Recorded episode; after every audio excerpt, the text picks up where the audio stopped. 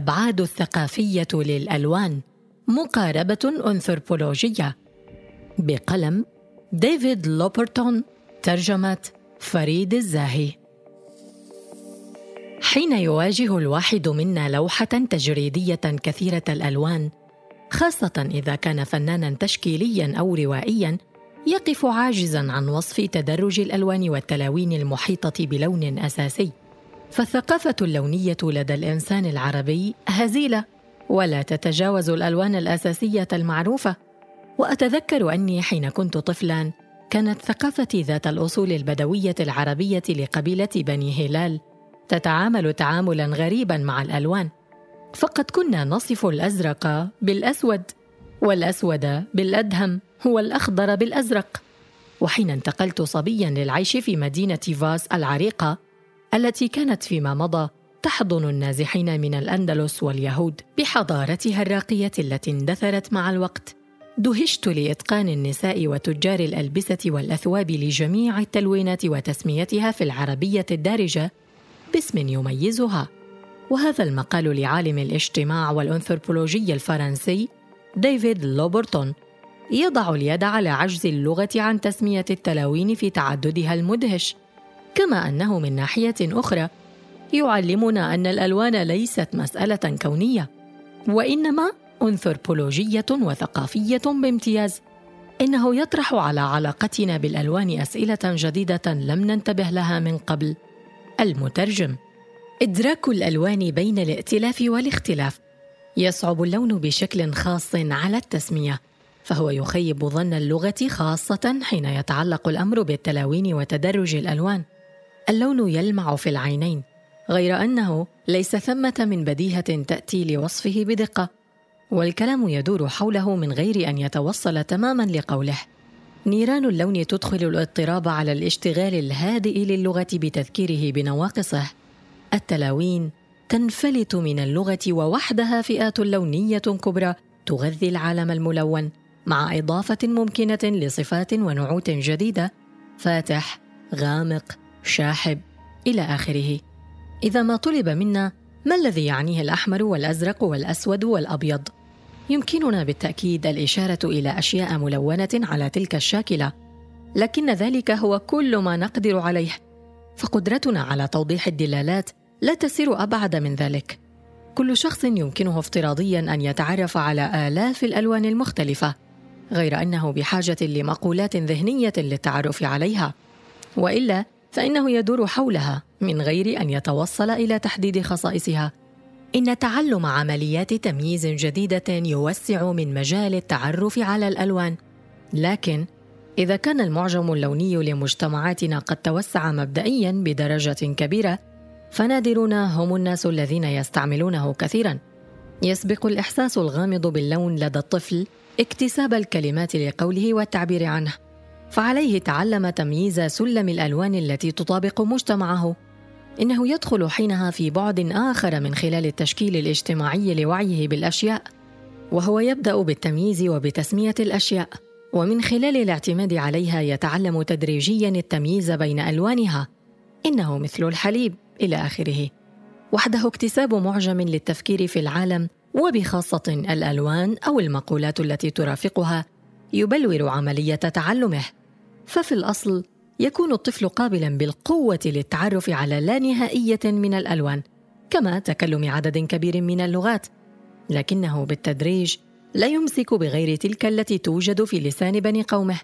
يغدو إدراك الألوان متصلا بانتماء اجتماعي وثقافي وبحساسية فردية معينة. الاسم يثبت الإدراك بالرغم من أن هذا الأخير لا يفقد معينه في ذلك. كيف يعرف أنه يرى الأحمر؟ أو أن له عنه صورة بصرية. أي كيف يقيم ترابطا بين كلمة أحمر ولون معين؟ ما الذي تعنيه هنا عبارة لون خاص؟ ما هو المعيار الذي يمكن من الربط الدائم للكلمة بالتجربه نفسها؟ إن السهولة في عبور سلم لوني بالتعرف على كل التلاوين وبمعرفة تسميتها يتطلب حساسية وتكوينا صلبين مرتبطين بانتماء اجتماعي وثقافي معين.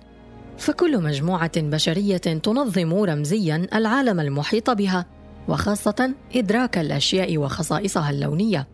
ترتبط تسمية الألوان باللغة، ليس هناك من إدراك أو تواصل حول الألوان إلا لأن فردا معينا تعلم كيف يمنحها معنى بالإحالة إلى نظام علامات مجموعته.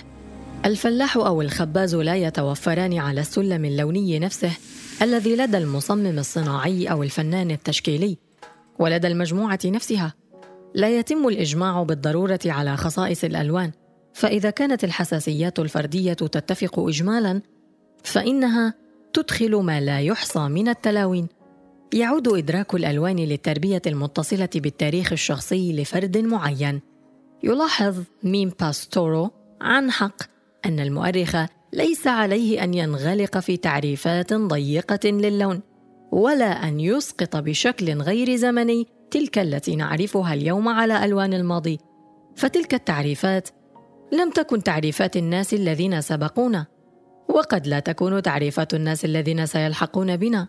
ففي نظر المؤرخ كما الإثنولوجي يمكن تصور سلم الألوان التي تدركها العين كنظام رمزي من بين أنظمة رمزية أخرى لتصنيف الألوان.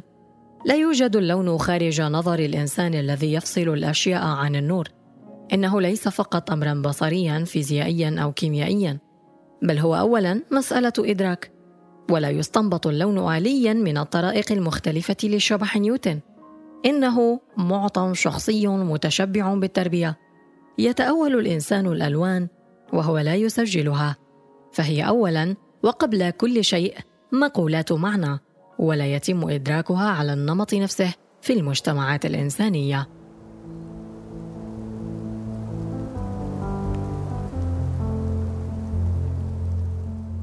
الألوان ليست معطى كونيا. إن مفهوم اللون كما نفهمه في مجتمعاتنا بمعنى سطح ملون.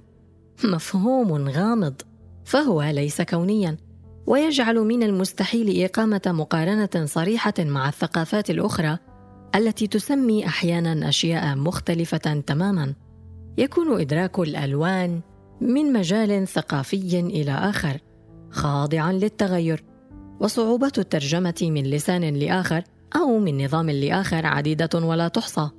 يعدد لنا ميم باستورو بعضها وهي متصلة بترجمات الكتاب المقدس. تتوفر اللغة اللاتينية الوسيطية بالأخص على كم كبير من مصطلحات اللون. ثمة حيث اللغة العبرية والآرامية والإغريقية لا تستعمل إلا كلمات مادة ونور وكثافة وخاصية. فحيثما تقول العبرية لامع تقول اللاتينية أبيض وأحيانا أحمر. وحيثما تقول العبرية وسخ أو معتم تقول اللاتينية niger أو viridis. واللغات التي تحدرت منها تقول إما أسود أو أخضر. وحيثما تقول العبرية غني تترجمه اللاتينية عادة بأحمر قان وكلمة أحمر في الفرنسية والألمانية والإنجليزية تستعمل كلمة أحمر كثيرا لترجمة كلمات لا تحيل في اللغة الإغريقية أو العبرية على فكرة تلوين، وإنما إلى فكرة الغنى والقوة والهيبة، بل أيضا الحب والموت والدم والنار. في عام 1858 لاحظ وو إي غلادستون أن كتابات هوميروس أو اليونانيين فيما قبل التاريخ لم تكن تتوفر على المعجم نفسه لأناس عصره، فالكلمة نفسها لدى هوميروس تعين الأزرق والرمادي والألوان الغامقة ويستنبط غلادستون من ذلك على الطريقة التطورية أن الإغريق كانت لهم حساسية لونية ضعيفة تركز بالأخص على التعارض بين الفاتح والغامق. ثمه مؤلفون آخرون من العصر نفسه لاحظوا أيضا أن الأزرق غائب في معجم التوراة والقرآن وبلاد اليونان القديمة والعديد من المجتمعات التقليدية وهم يرون في ذلك شذوذا في الإدراك ينسب للنقص في المقولات البصرية. لقد تم تطبيع إدراك الألوان على يد هؤلاء المؤلفين المتشبعين بالمرجعيات البيولوجية. والذين يعتبرون أن الشعوب تصنف على سلم تطور يقود بالضرورة للمقولات الثقافية الأوروبية المطروحة في المطلق. والشيخوخة التدريجية للشعوب تمنحها فسيولوجيا اكتمالا أكثر. ولا نرى من ثم الألوان تطرح في أي لحظة باعتبارها مقولات رمزية. مع ذلك ومن قبل في عام 1879 كان النوبيون باعتبارهم نموذجا لتلك الحساسية اللونية التي تعتبر فقيرة يتعرفون من غير صعوبة على أشياء أو عينات من الورق الملون بعد وقت قصير من التعلم. إنها تباشير نقاش طويل حول كونية إدراك الألوان أو نسبيتها. في عام 1881 تم عرض عشرة من الفوجيين الآتين من أرض النار في حديقة الأكليماتاسيون بباريس.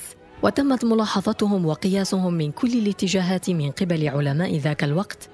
كان الفوجيون حينها يعتبرون شعبا متخلفا. صنفهم داروين من بين المتوحشين الأكثر تدنيا في الحضيض. وقد ضعف مانوفرير مثلا التجارب بخصوصهم. وسجل أن الفوجيين أنفسهم قد برهنوا على قدرة كاملة على تمييز التلاوين الدقيقة من غير أن يكونوا مضطرين لتسمية تلك التلاوين. لأن معجمهم طبعا لم يكن من الغنى بمكان. وقد توصل هيادس من جانبه إلى استنتاجات قريبة من ذلك. لا يمكننا قبول أن الفوجيين لا يعرفون بوضوح ألوانا أخرى. وإذا كانت تلك التلاوين قد تنوعت في أسماء الأصواف لدينا فذلك يعود إلى أن التلاوين التي كنا نعرضها عليهم لا تتجاوب بالضبط مع التلاوين التي اعتادوا النظر إليها. أو إلى أنهم كانوا يرغبون في تسمية نسيج ومظهر الصوف لا لونه. أنهم لا يملكون كلمات لتسمية اللون عموما وهذا أمر كان يجعل فحوصنا عسيرة. لا يميز الفوجيون الألوان تبعا للتعريفات الأوروبية. إنهم لا ينتمون إلى فكر النظر نفسه. لم يقلق نيتشه لهذه الاختلافات في الإدراك وهو يرى فيها بالأحرى شكلا خاصا من أنسنة الطبيعة. كما كان الإغريق يرون الطبيعة بطريقة مختلفة. بحيث ولنعترف بذلك كانت عيونهم عمياء إزاء الأزرق والأخضر. وإذا هم رأوا عوض الأزرق لونا أسمر غامقا وعوض الأخضر لونا أصفر. أي إذا هم عينوا بالكلمة نفسها مثلا لون الشعر الغامق اللون المائل إلى الزرقاء ولون البحر المتوسط. أو أيضا ودوما بالكلمة نفسها لون النباتات الأشد خضرة ولون البشرة الآدمية. ولون العسل والاسترنجات الصفراء إلى حد أن رساميهم الكبار لم يرسموا عالمهم إلا بالأسود والأبيض والأحمر والأصفر. كم ستبدو لهم الطبيعة مختلفة وأشد قربا من الإنسان؟ إنه ليس فقط عيبا. فبفضل هذا التقريب وهذا التصنيف نراهم يمنحون للأشياء تناغما من الألوان بالغ الجاذبية. يمكنها أن تشكل اغناء للطبيعة. وربما كان ذلك السبيل الذي من خلاله تعلمت البشرية التمتع بفرجة الوجود. لقد سجل الإثنولوجيون باستمرار التمايز في إدراك الألوان في المجتمعات الإنسانية. وقد لاحظ واليس أن قبائل الاشانتي لها أسماء متميزة للأسود والأحمر والأبيض. واسم الأسود يستعمل أيضا لأي لون غامق كالأزرق والأحمر القاني وغيرهما. في حين أن كلمة أحمر تستخدم للوردي والبرتقالي والأصفر. ويرى الدكتور زاهان أن المنطقة الإفريقية عموما تقتطع الألوان إلى أحمر وأبيض وأسود. فقد كتب أن أناس قبائل البومبارا في مالي يصنفون كافة الأشياء الخضراء أو الزرقاء في فئة الأسود والأصفر الغامق والبرتقالي في خانة الأحمر والأصفر الفاتح في خانة الأبيض.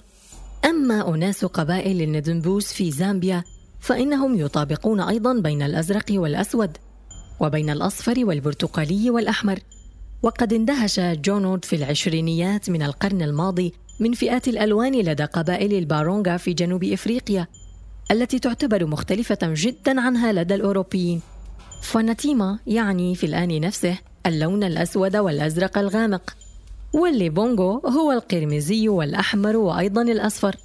أما الأصفر فلا يدرك باعتباره لونا مستقلا والبوسكا يعين لون السماء في الفجر ولون الشمس في الصبح.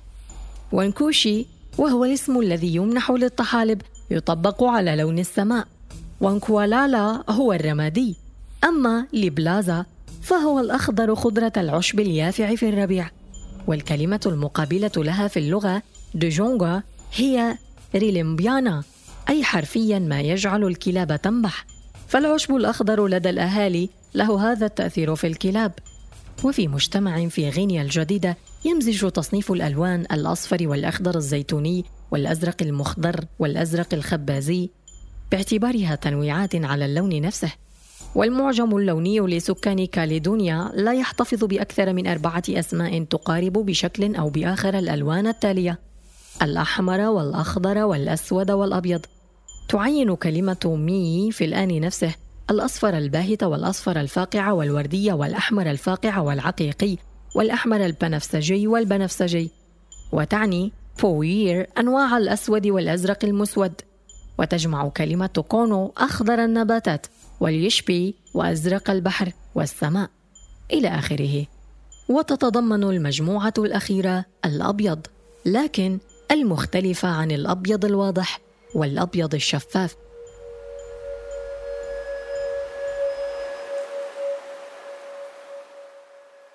الألوان ومعضلة الترجمة.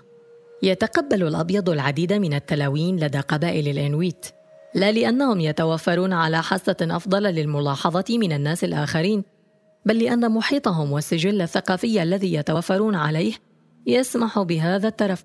يميز الماوري في نيوزيلندا مائة من التلاوين الحمراء لكن بالعلاقة مع تعارضات خاصة بالشيء.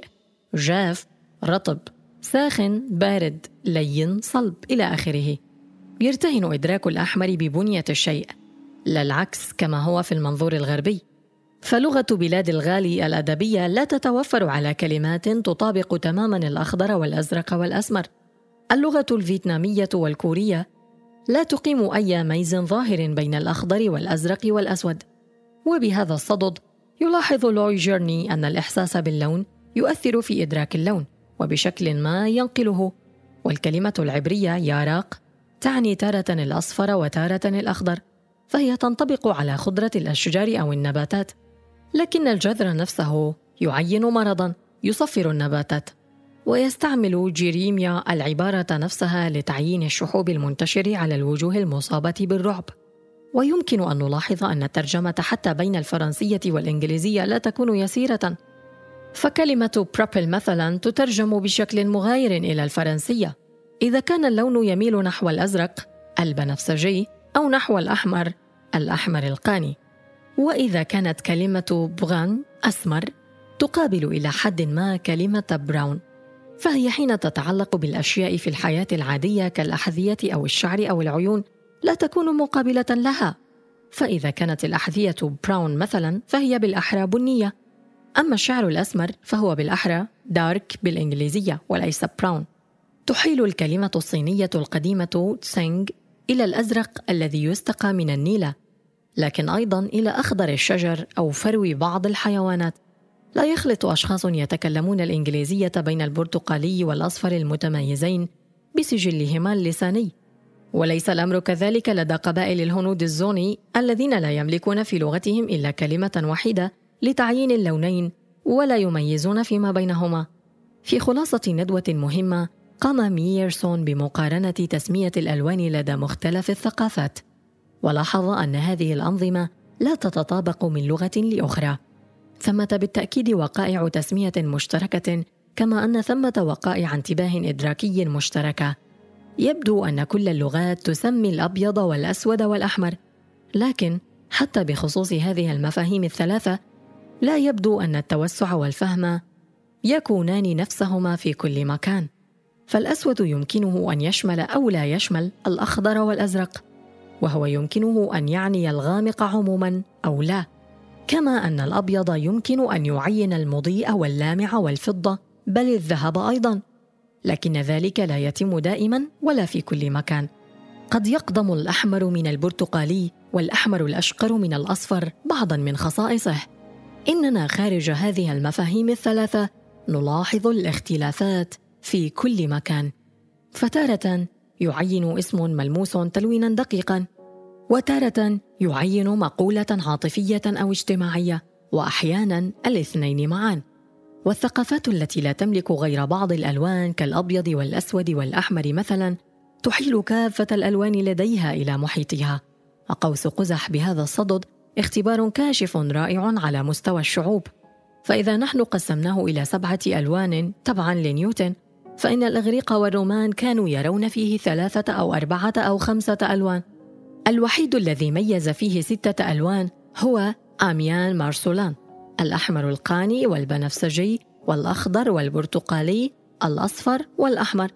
أما كيزينو فانيس وأنكسمانيس وبعدهما لوقريتوس فيرون فيه الأحمر والأصفر والبنفسجي ويرى فيه أرسطو الأخضر ويرى فيه السنك خمسة ألوان الأحمر القاني والبنفسجي والأخضر والبرتقالي والأحمر.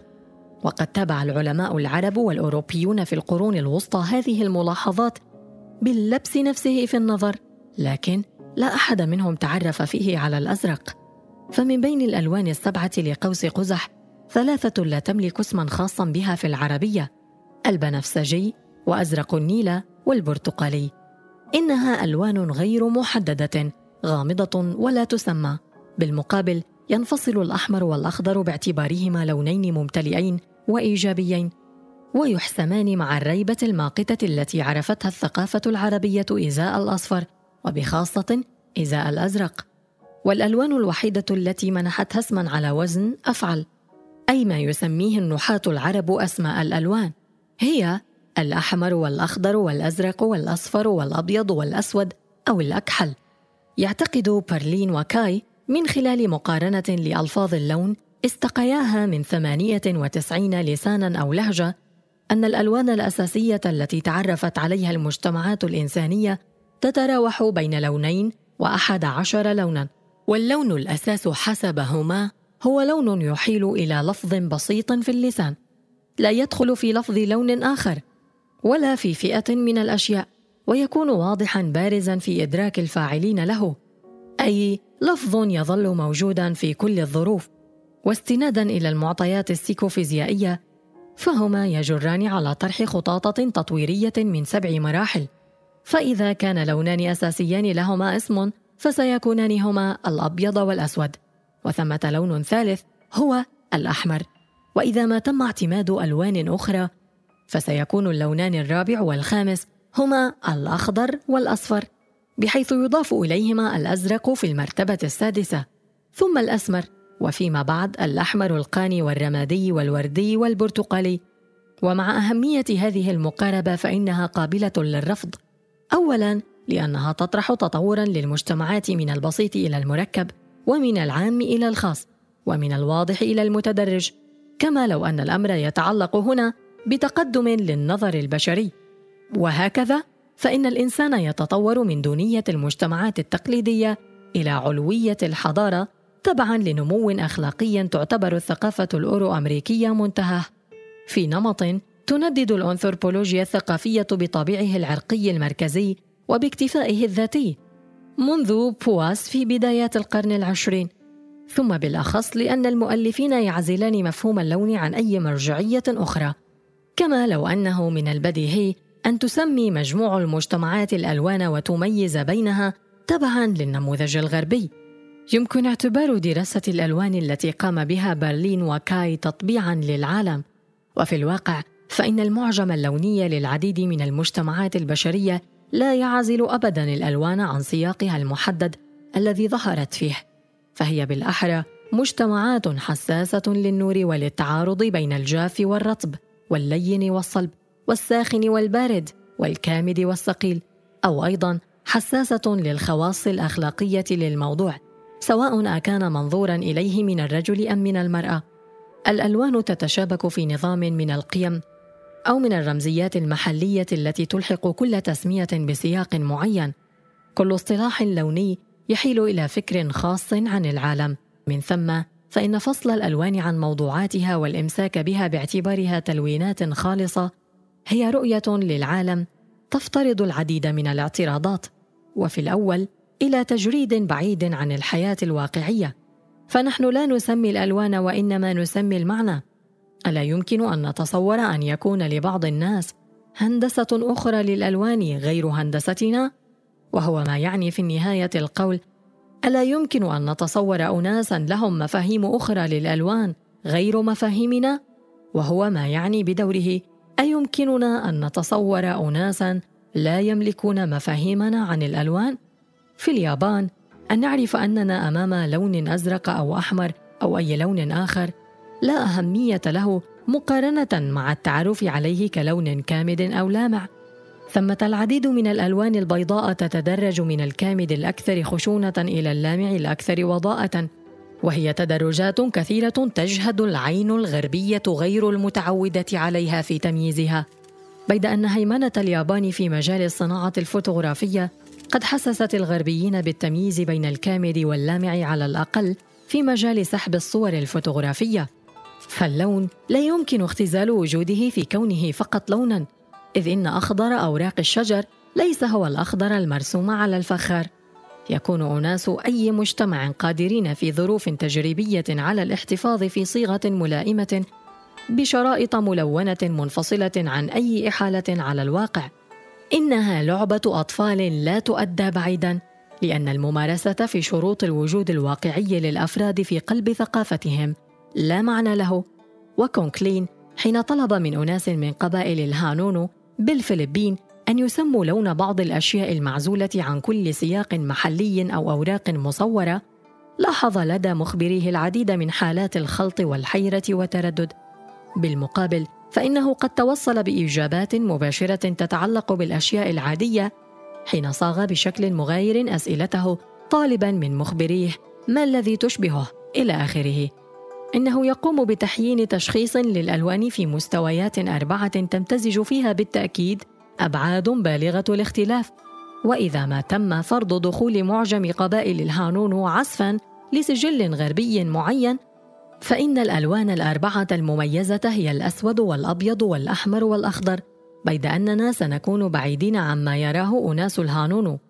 أولاً ثمة تعارض بين الناصع والغامق ثم هناك تعارض بين الجاف والرطب. فعبارة لون لا توجد في هذا اللسان كما في عدد من الألسن غيره. مثلا في الصين القديمة يلاحظ باستورو وهو يلخص أبحاثا تمت في إفريقيا السوداء.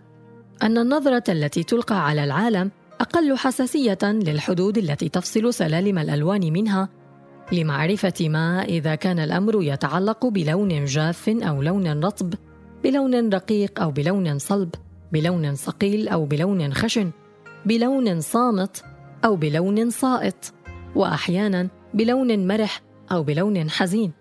اللون ليس شيئا في ذاته ولا ظاهرة تتعلق فقط بالبصر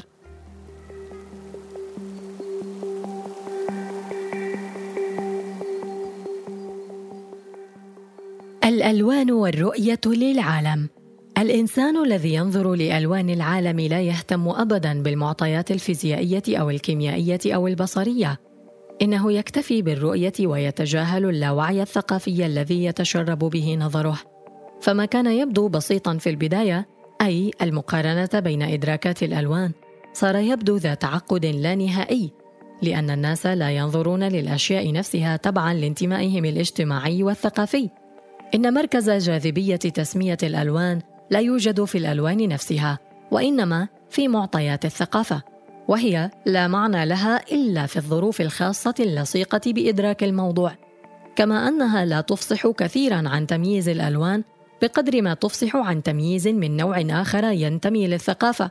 فنحن حين نعتقد أننا نقارن الألوان لونا لونا، فإننا نقارن في الحقيقة وبلا جدوى رؤى للعالم وبالرغم من أن الأنثروبولوجي يعتبر أن تعارضات السلوك تفصح أكثر عن تعارضات طول الذبذبات وتكون أفضل لمنحنا معلومات ثقافية فإن كل نوع من الدراسة يلزم أن يتعاون مع أنواع أخرى لاقتراح علاقات جديدة واستدعاء فرضيات وتفسيرات جديدة. إن الواقع الفيزيائي الموضوعي لكن لمن هو موضوعي ينمحي أمام مقولات المعنى التي يسقطها عليه الإنسان.